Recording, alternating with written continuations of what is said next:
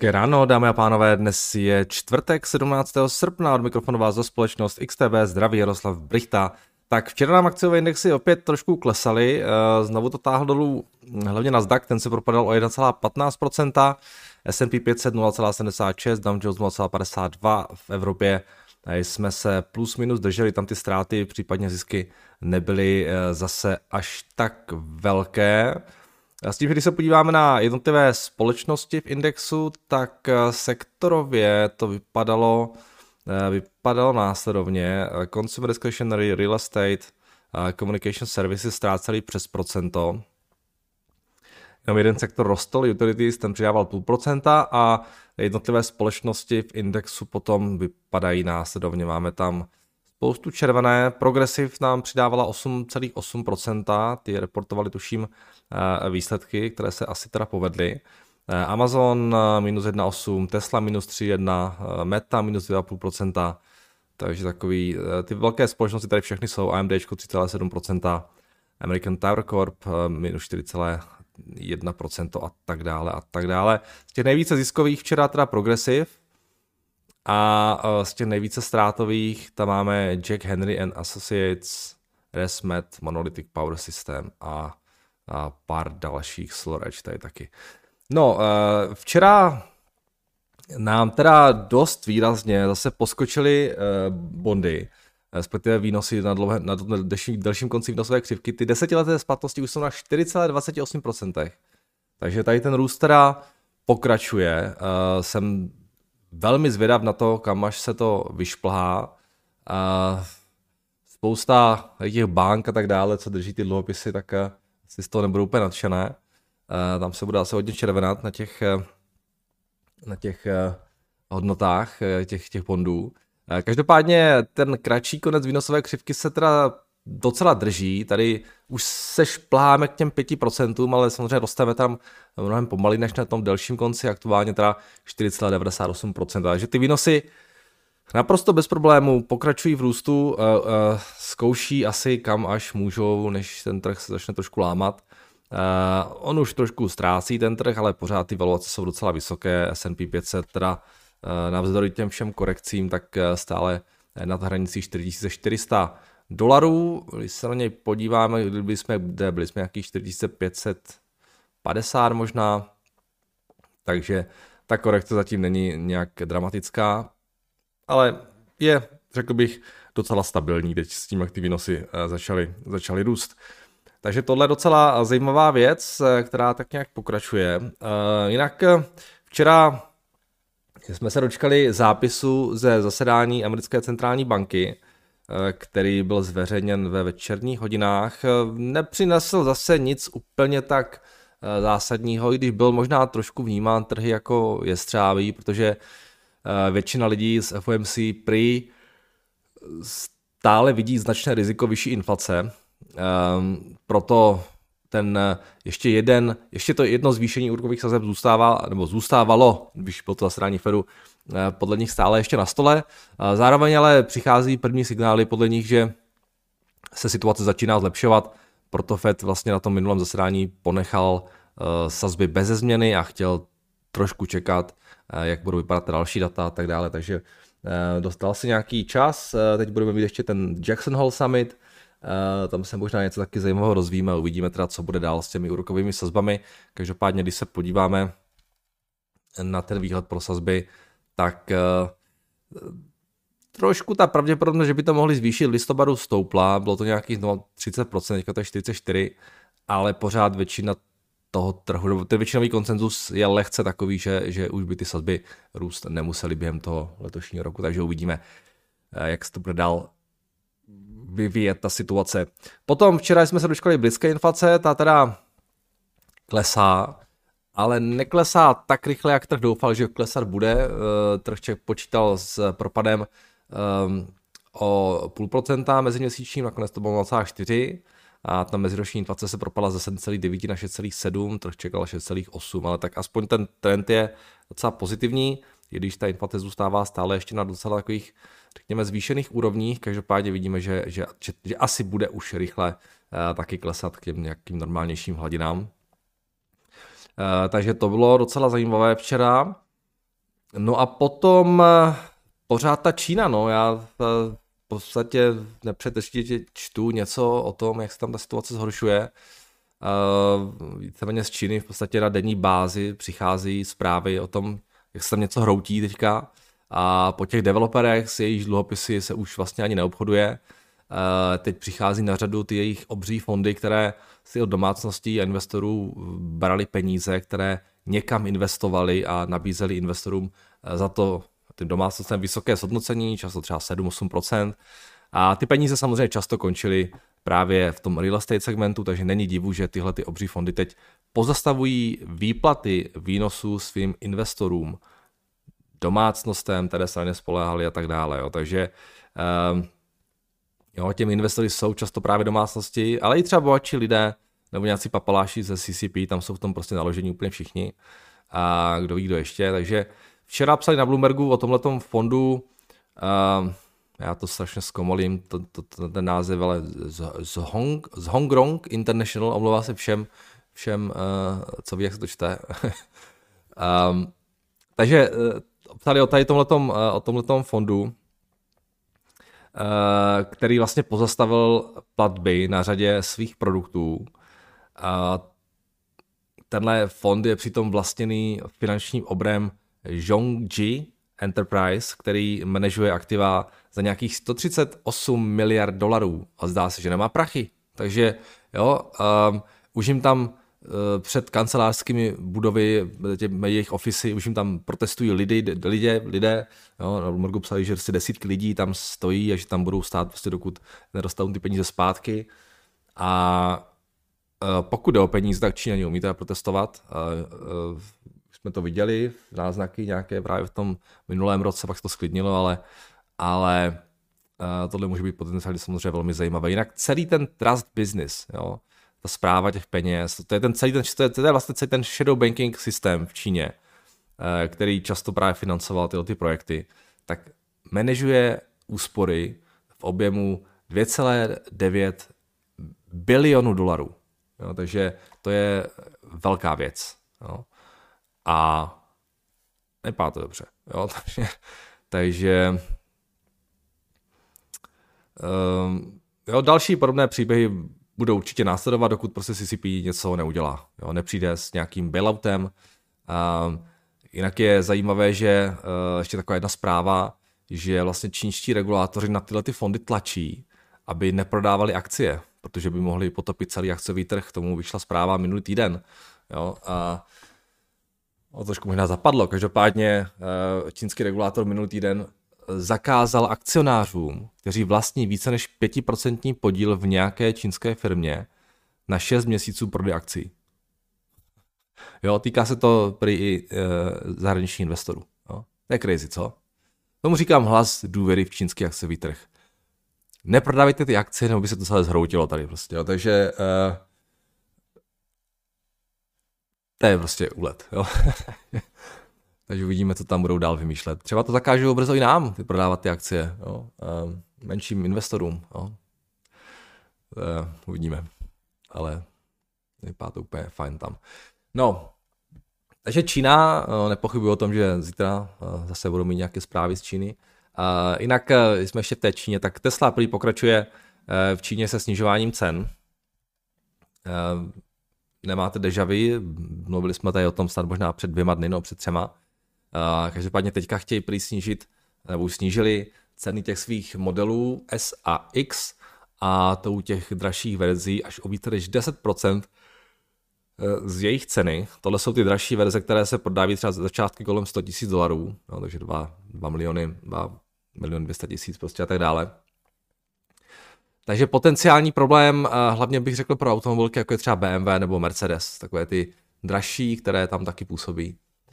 Um, a to, ty tam mají docela solidní tržby, jo, schválně, když se podíváme na BMWčko, když se podíváme na BMWčko a na to, kolik tam v Číně dělají, schválně, mě zajímalo.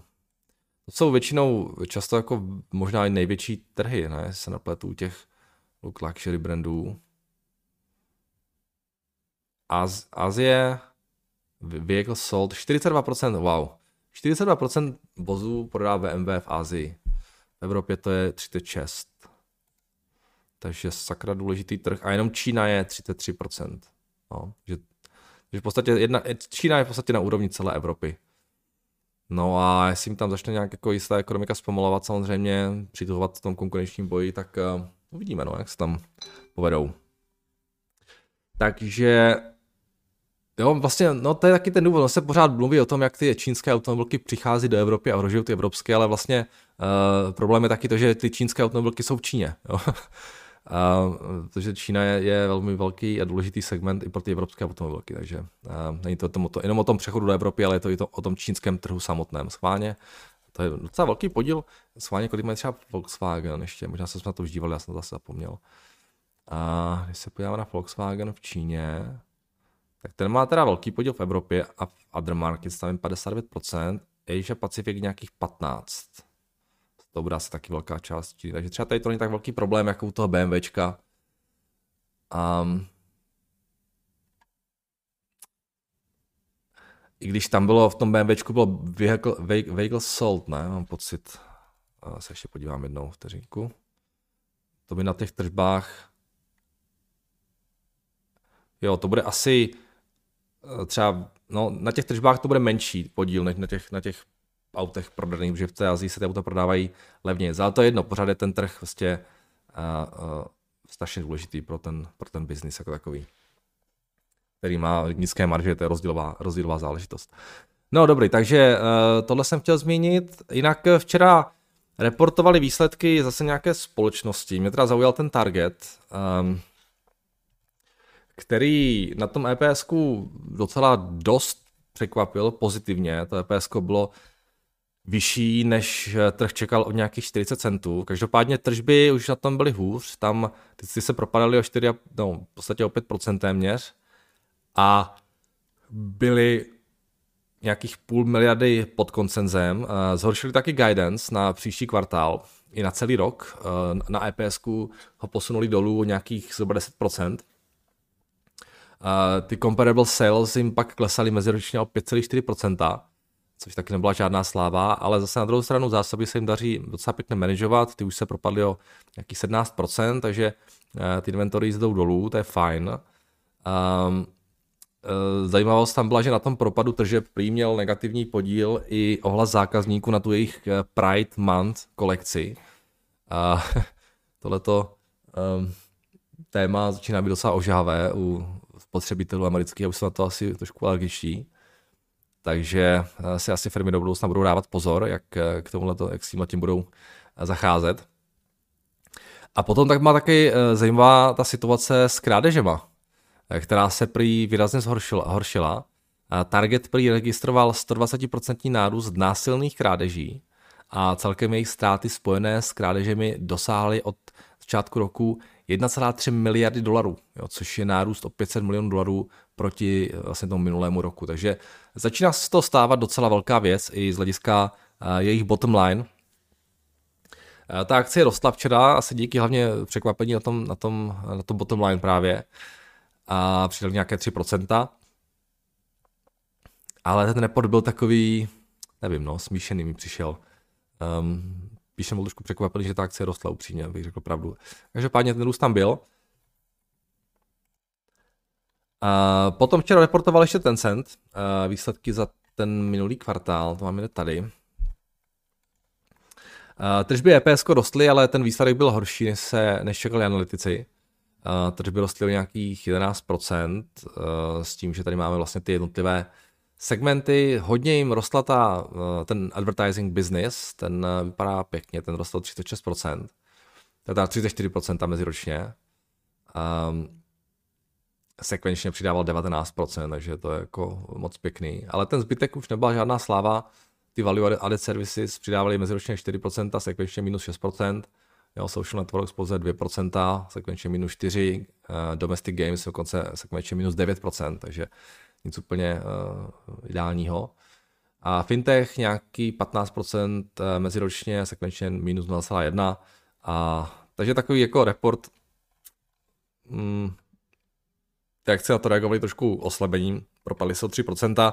Tady máme potom ty jejich tržby, ty se teda pohybovaly na nějakých těch 149 miliardách juanů. Ruby ziskem rostl docela pěkně o 20 nebo nějakých 13 miliard juanů, provozní zisk nějakých 40, nárůst o 10 miliard, takže tady to vypadalo docela fajn, ty marže se jim dařilo trošku zvýšit, ale um, nějak z toho ten nadšený nebyla, ta akcie, říkám, se propadala o nějaké 3% v reakci na ty výsledky. Takže ode mě to asi všechno k tomu včerejšku. Když se podíváme dnes ráno na futures, tak situace vypadá uh, docela stabilizovaně. V Americe i v Evropě se ty trhy tak nějak drží a uh, vidíme s čím teda přijde ta dnešní sánce. V Číně taky zatím docela klídek.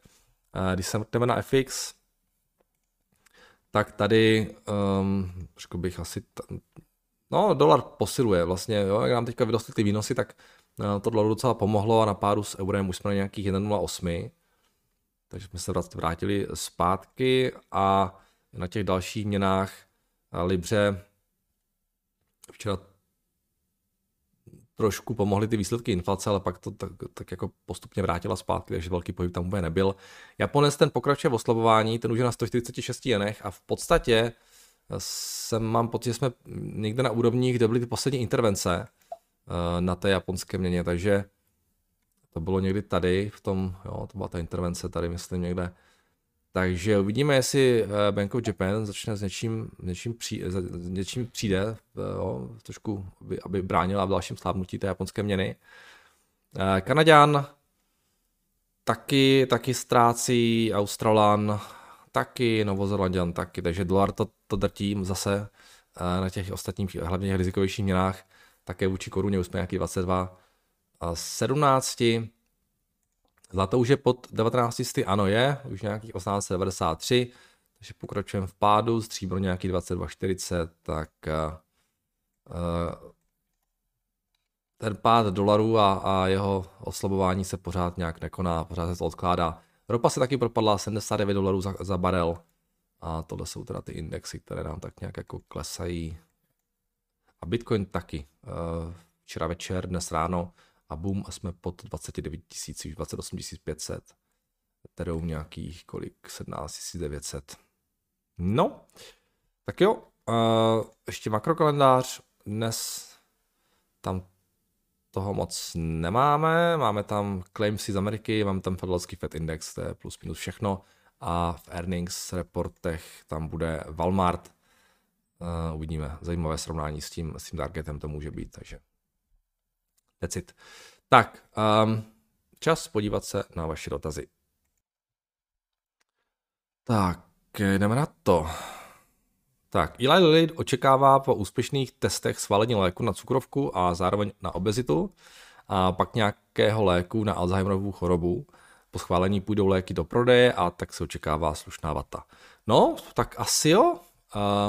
Každopádně ta valuace je trošku úlet, musím říct. A v těch v těch, eh, v těch eh, číslech o Bloombergu to není úplně ještě započteno, takže nevím, kdy to začne nabíhat ty léky. Takže jo, no, říkám, ten multiple tam je prostě jako brutální. I ten forward. A je to taková druhá Nvidia, ne? Ta Eli mám pocit, že fakt jako, i tohle, tohle byl teda fakt jako solidní nárůst, takže tak jim držme palce, no, teda mě by se to úplně jít nechtělo, teda na těchto těch multiplech, ale třeba je to, je to uh, ospravedlnitelné těmi budoucími tržbami z těch léků. Tak ahoj, věděl by si prosím tě stručně v krátkosti vysvětlit například na příkladě Ruska, jaké jsou výhody a nevýhody oslabující měny. Uh, no, tak uh, v podstatě, když vám slábne měna, tak eh, vám samozřejmě drahnou importy, takže všechno, co dovážíte ze zahraničí, tak je mnohem dražší a to zvyšuje inflaci a snižuje vlastně koupěschopnost domácností. Takže řekl bych, když to, když to shrnou, tak eh, slabá měna je negativní zprávou pro eh, domácnosti, ale na druhou stranu samozřejmě dobrou zprávou pro um, exportéry, kteří uh, jejich zboží Jo, ta hodnota vlastně, oni vyrábí pořád, já nevím, třeba kdyby to bylo Česko, tak prostě vyrábí pořád, platí, platí v korunách, ale dostávají více třeba dolarů nebo eur. Takže dobrá zpráva pro exportéry, špatná pro domácnosti. Tak vždycky, jak se mluví o tom, jak, jak, jak je ta koruna. Je, mám pocit, že takový narrativ prostě často, že ta slabá měna je vlastně dobrá, protože to pomáhá těm exportérům, což je pravda, ale je to vždycky na úkor těch domácností. Takže je to něco za něco. A ta silná měna je vlastně opak. Jo? Takže ideální stav je, když ta měna je docela stabilní a moc se nehýbe a moc nedělá nějaké, nějaké vlny v té ekonomice.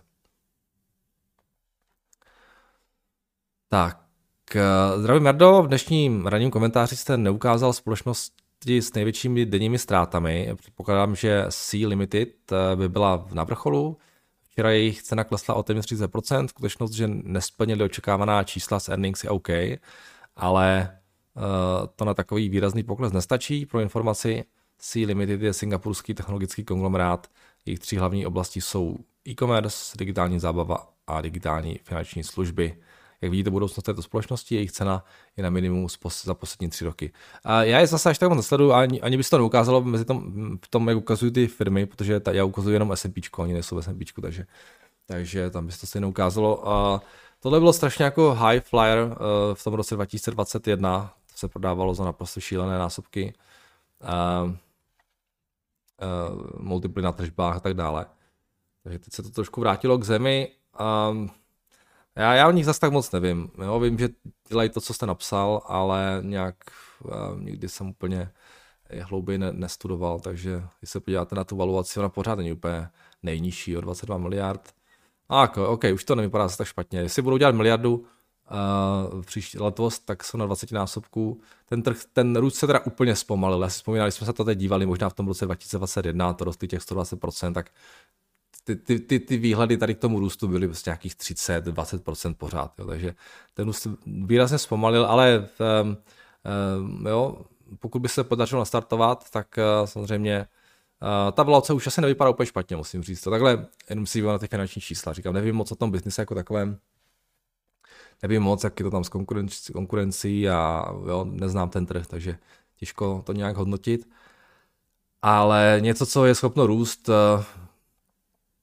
delší dobu, nějaký, nějaký vlastně 10-15%, tak si myslím, že za uh, jo, tyhle multiple se může asi jako prodávat, takže proč ne? Jo, už to je trošku normální ta cena, jo, říkám, předtím to bylo úplně úlet. Tak, ahoj, to bych se opýtat na, jaký je tvůj aktuální, názor na aktuální dění z toho, co vnímám z blízká budoucnost eh, vetví na úplný crash versus silný bullrun, plus krypto už dlouhší dobu nekoreluje s trhem, tak by mě zajímalo, jaký postoj k tomu zaujal ty. Já jsem 50% portfolia vypustil a uvažujem z části i do value stocks. Um, já se to nesnažím moc jako predikovat, ale je pravda, že mě to taky trošku překvapuje, jak ten trh drží a obzvlášť vzhledem těm sazbám a taky bych čekal nějakou korekci. Jenže vtip je v tom, že já mám taky pocit, tu korekci čekáme všichni. Jo. A ono tak vždycky jako často bývá, že když něco všichni čekají, se to nestane. Jo. jo, to je to samé, jak jo, jedna věc je, že by to dávalo smysl, druhá věc je, že i třeba v tom, v tom real estate segmentu, jo, Problémy v tom real estate čekají úplně všichni. V těch ofisech čekají všichni. Všichni o tom ví. A když to všichni ví, tak ten trh se na to tak nějak jako připravuje. A největší problém pro ten trh je něco, co nikdo nevidí. Jo. Co nikdo jako ne, neočekává. Samozřejmě neříkám, že pokud by se ty problémy všech na tom real estate třeba začaly fakt jako nějak materializovat, takže by to nemělo dopad na ty trhy. Určitě mělo, jo, ale jo, největší průšvih jsou vždycky něco, co přichází úplně, úplně čistá jasná věc, o které jsme se tady nebavili, nebavíme se tady a najednou do nás prostě bouchne. Jo. A z podstaty toho, jo, tyhle ty věci dokáže jako anticip, anticipuje málo kdo. Jo. Takže já nevím, já tak jako mám, mám na jednu stranu taky pocit, že, že je to trošku moc, ale na druhou stranu jsem si právě vědom tady tohleto jako paradoxu, že když to všichni tak nějak očekáváme, tak uh, se to nemusí stát, že je to zapresované, i když jako z toho zapresované v těchto těch úrovních zní trošku divně. Takže pocitově, jo, asi bych něco čekal, ale že bych chtěl na to sázet, to určitě nechci. Takže prostě já, já v tom sedím, v tom trhu a čekám a až mi začne to portfolio klesat, tak, to, tak se to budí, jak to klesá a pak něco přikupovat. Takže velmi jednoduchou strategii v tomhle tom a nechci si to moc ten život komplikovat. Že bych přázoval celé portfolio do value stocku a tak dále, prostě, prostě ne. Já jsem, já jsem rád, že jsem dostal tu šanci u těch na, na ty růstovky v tom uh, loňském roce, tak jsem tam tu pozici vybudoval a tu tam chci mít a uvidíme, co to udělá do budoucna. A pak mám nějaký techy a, a nějaký um, mám nějaký value akcie mám taky, ale um, říkám, tak jak to mám, jsem spokojený a uvidíme, co to, co to udělá. Tak, eh, ahoj Jardo, eh, má nějaký smysl vůbec nakupovat ty krátkodobé dluhopisy, keď mi Česká banka dá 5,3% PA? Rozumím tomu, že keď si naložený v dolarech, tak eh, to možno nechceš měnit, ale jak máš kočo, má nějaký smysl kupovat té krátké dluhopisy? A v podstatě ani ne asi. Jo, říkám, já jsem, já jsem, já jsem v dolarech, já chci být v dolarech, já nechci jo, překlápět do korun a pak do dolarů, protože tam je kurzové riziko, ale pokud jste v korunách, tak eh, samozřejmě v Česku jsou ty eh, výnosy hezké. Samozřejmě ta inflace tady je vyšší, takže ten reálný výnos je trošku někde jinde, ale, ale asi to nedává úplně smysl. Já myslím, že dokonce i, i ty, když jste schopni mít nějaký rozumný termíňák třeba, tak to taky může docela fungovat, ale, ale i ty dluhopisy samozřejmě, no, no, takže myslím, že nemá smysl. Pokud neinvestujete nějak, ale nepotřebujete dolary a jste v korunách hlavně, tak samozřejmě dává smysl být v korunách.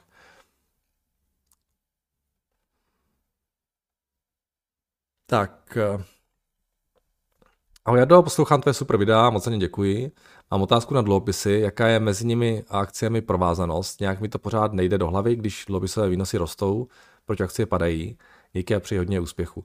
No tak tam jde o to equity risk premium. Jo. Vemte si, že kdybyste měl státní dluhopis, který vám dává 5% a akcie, ne, státní dluhopis, který vám dá třeba 8% a akcie, které mají průměrně výnos 8%, tak samozřejmě vy byste si asi těžko vybral akcie, které dávají stejný výnos jako ten dluhopis, ale s vyšší volatilitou, že jo. jo.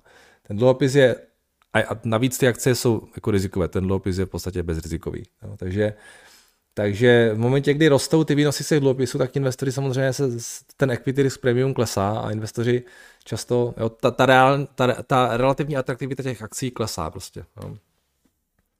A zase nefunguje to jako přeskopírá, no, neznamená to, že vždycky, když musí jít výnosy, to musí akcie klesat, jo, ale jenom abyste chápal uh, ten equity risk premium, naopak když, když ty výnosy z těch dluhopisů a tak dále jsou na, nule nebo na jednom procentu, tak eh, proč byste kupovali nějaké dluhopisy, když můžete jo, mít třeba ty akcie, které sice jsou rizikovější, ale za to riziko byste jako teoreticky mělo být docela pěkně odměněn. Jo. Takže, takže je to o tomhletom vztahu. Jo. Ten, ta bezriziková investice, která, která je ten státní dluhopis a ta riziková. Eh, a o tom, jaký je ten rozdíl mezi tím výnosy. To ovlivňuje tu jejich relativní atraktivitu. Tak, eh, zdravím, myslíte si, že, může, eh, že se může na trhu projevit panika po tom, co se v pondělí zjistilo, že Michael Berry sází 1,6 miliardy eh, dolarů proti S&P? ne, to fakt ne, to, to určitě ne. Um, já nevím, z nějakého důvodu mu lidi, um, je zajímavý samozřejmě člověk a tak dále, ale z nějakého důvodu asi protože si natočil ten film, ten Big Short, to byl myslím, tak eh, lidi to strašně sledují, to portfolio. Um, ale proč by pro boha měli lidi panikařit, že Barry prodává uh, putky. Navíc těch 1,6 miliardy, uh, to není jako, to, to, je to notional value, jo? to není, že on by měl pozici 1,6 miliardy, ale, ale ta pozice je pravděpodobně menší, když chodí, jak je velká. No, nějaká páka určitě. Tak, chci se zeptat, od jaké částky musím uvádět daňové přiznání z dividend. Uh, to si zkuste, tady máte nějaké odpovědi už, to, to se pouštět nebudu. A proč teda Buffett kupoval stavbárou, když jsou teraz úrokové sazby vysoko, tak se bude stávat méně, alebo to pozerá až tak daleko dopředu. Uh, no, to si všichni myslí, že se bude stavit méně, ale on se pořád docela staví, takže ten, ten, ten bytový nebo domovní fond v Americe docela trpěl v těch minulých, v té minulé, to minulé, v té minulé desetiletce a, a vypadá to, že um, ti millennials a tak dále uh, začali kupovat byty a domy a navíc si ten trh trošku čeká, že až ty sazby klesnou, že ta, že ta poptávka bude ještě silnější, takže a tam ty ceny nejsou špatné, no, takže asi proto se do toho pustil, nebo já nevím, zeptejte se ho. Uh, myslím si, že ale jo, to, pro, podle mého názoru ten prospekt, ten výhled pro ty stavaře není vůbec špatný, ten biznis je zdravý a nemají moc dluhů, rostou pěkně, nejsou zase tak úplně drazí, takže proč ne? To docela dává smysl.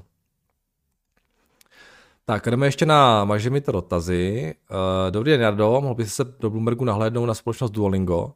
Duolingo bylo zapsáno na burzu teprve nedávno, myslím, že v roce 2021, společnost roku 11 neustále zdokonaluje svoji aplikaci pro výuku cizích jazyků. Já sám využívám pro procvičování angličtiny a již 933 dní v kuse, ale také se tam učím španělštinu nebo ruštinu. To vám gratuluju, teda, to je teda solidní výkon. Uh, čím víc tam máte těch dnů, tak to už musíte být úplně tím víc jako, jako komit, že představa, že to jeden den vynecháte a celé tady tohle je pryč, tak to musí být asi děsivé. Takže tady ty, ty, strike, ty, ty strikes fungují. Eh, aplikace se neustále dokonaluje a zlepšuje, zároveň přibývají uživatelé této aplikace.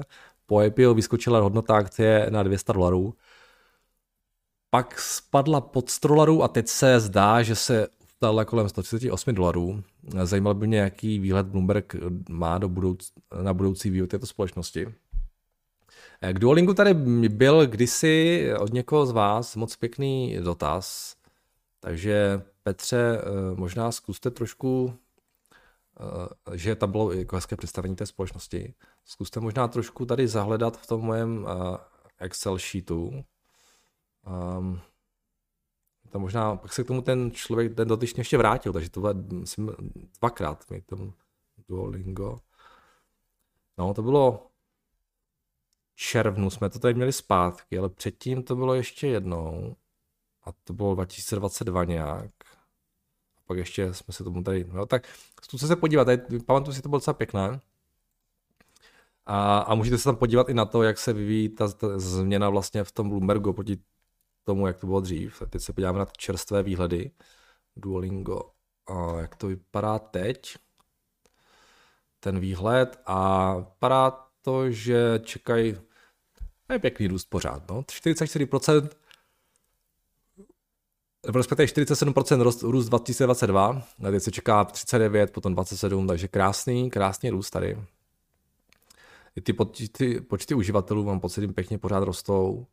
Eh, firma je ve ztrátě teda, ale už by se to mohlo překlopit příští rok do zisku lehkého. Každopádně valuace 5 miliard, 5,5 miliardy. Um, otázkou je, jestli to není trošku moc a kdy, až za jak dlouho budu na nějakém normálním multiplu. No, ne, úplně, úplně levně to nevypadá, ale ten biznis eh, ze všech těch dalších metrik eh, zdá se vypadá pěkně. No, bohužel ta jedna z těch jako velmi důležitých metrik, to je ta valuač, valuační, tak ta nevypadá úplně pěkně. Ale třeba ten trh má pravdu, třeba eh, to bude velká keška v budoucnu, takže těžko říct. Každopádně jo, ty uživatelské metriky a všechno ostatní tam je moc, moc hezké, pokud si vzpomínám ještě právě z těch dotazů minulých. tak eh, jdeme dál. Viktor, úspory. Ahoj Jardo, rád bych se zeptal na jednu věc. V nejmenované fintech aplikaci je možnost jakéhosi spořícího účtu s úrokem a možností kdykoliv vybrat a vložit peníze. Mohla by to být zajímavá možnost odkladat si peníze na rezervu, alespoň takto, aby se pokryla inflace a zároveň eh, byla slušná likvidita. Řekněme něco jako dluhopisy, tyto peníze na spořícím účtu jsou investovány do tohoto fondu od společnosti Fidelity. Roční úrok je proměnlivý, ale zatím činí zhruba 4%. Mohli by se vyjádřit, mohli bys vyjádřit názor, jak se na to díváte pro účely odkládání peněz na krátkou dobu vysokou likviditou? Zdá se vám ten fond OK? Já vůbec nevím, o co jde, ale když to dáme do Bloombergu, tak se mě vybavne.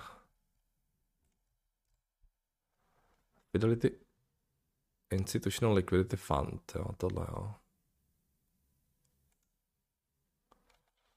Vůbec nevím, co to.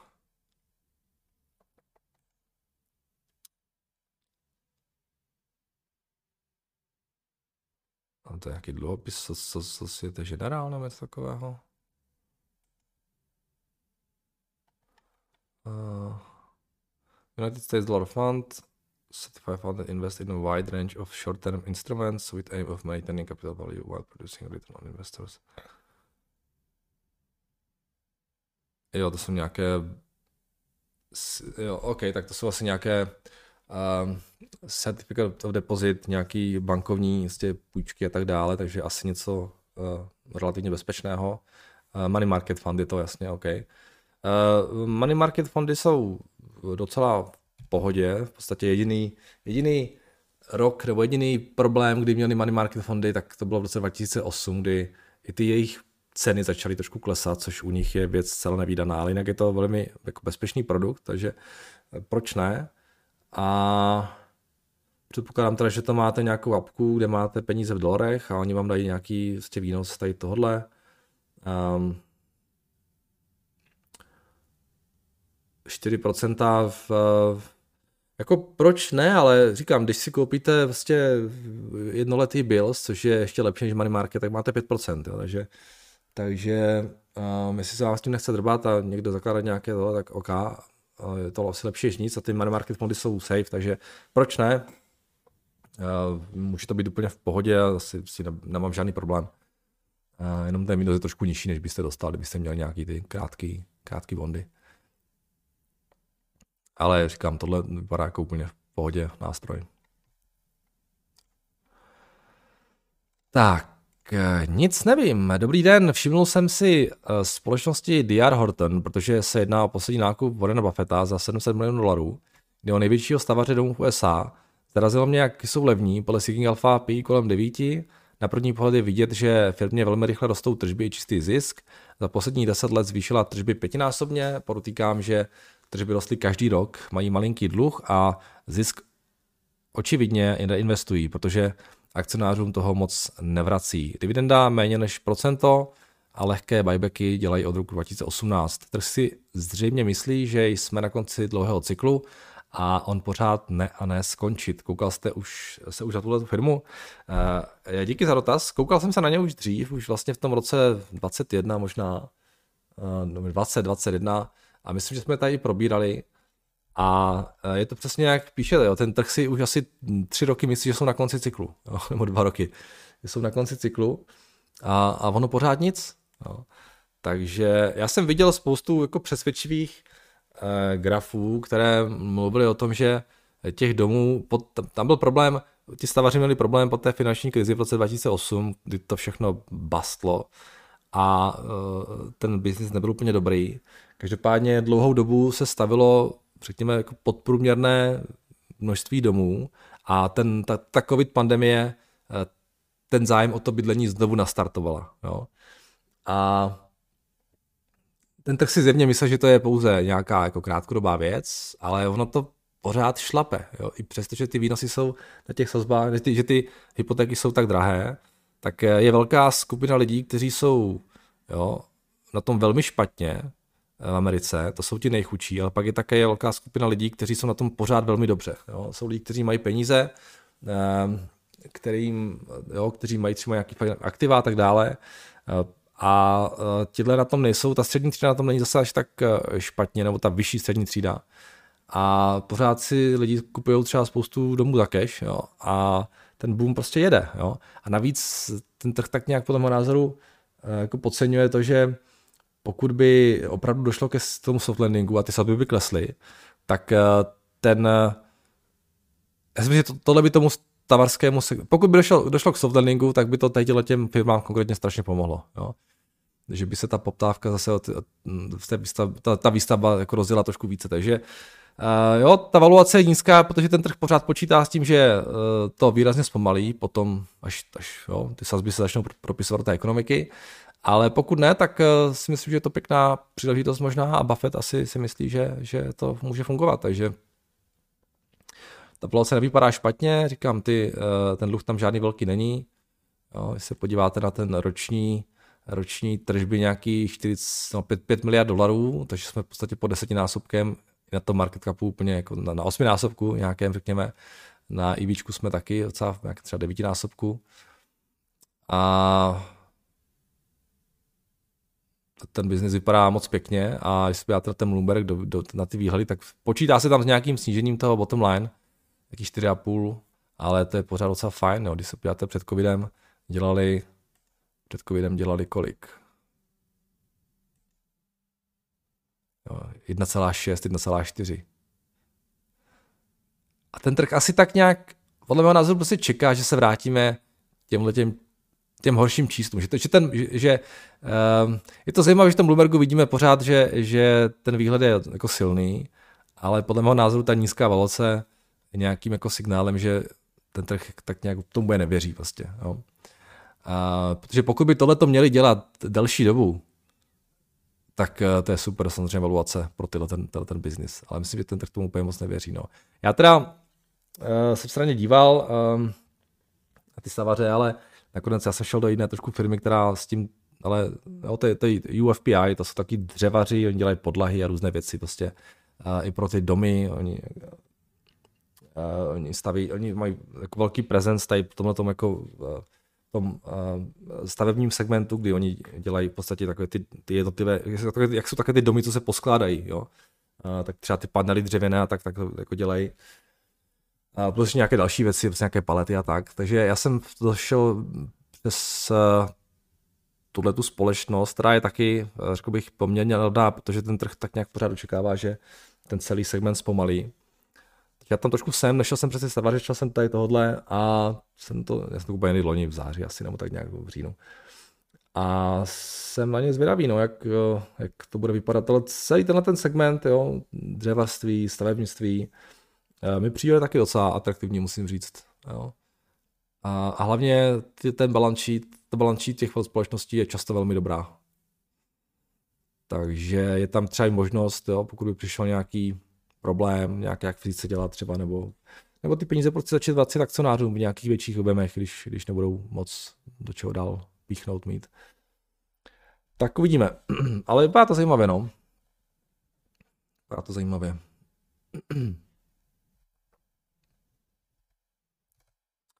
asi kdybych šel do těch stavařů, tak bych si možná ale udělal nějaký, protože nemám nějak úplně silný názor na ten třeba management té společnosti, asi bych si udělal nějaký, nějaký svoje soukromé ETF, kde bych třeba těch stavařů nadspal víc. Jo. A tam jsou ještě Lenáry, tam mám pocit a ještě na ty další jména. A jsou tak tři, čtyři společnosti, které jsou docela velké v tomhle, v tomhle biznise.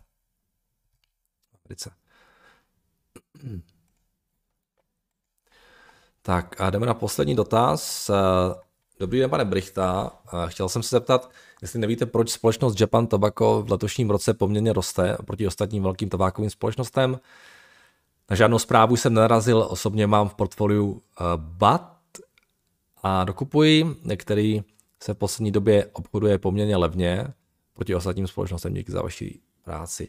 Adame, bohužel, bohužel nevím, já je zase tak moc nesleduju ale jestli to je pouze eh, Japonsko, tak uh, není to třeba jenem? Um, jestli to jsou jako, no, to by klidně mohlo být tím, jak teďka výrazně slábne ten japonský jen. Um,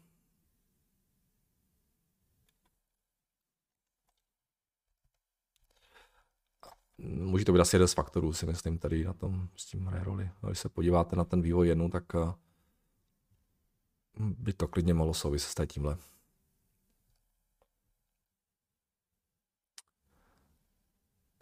Inflace, levnější měna. Jo. Takže typnul bych že to bude o, té, o, tom, o tom kurzu hlavně. Tak, eh, to je všechno. Takže díky za vaše dotazy a pište samozřejmě dál a uslyšíme se opět zítra. Mějte se krásně a naslyšenou.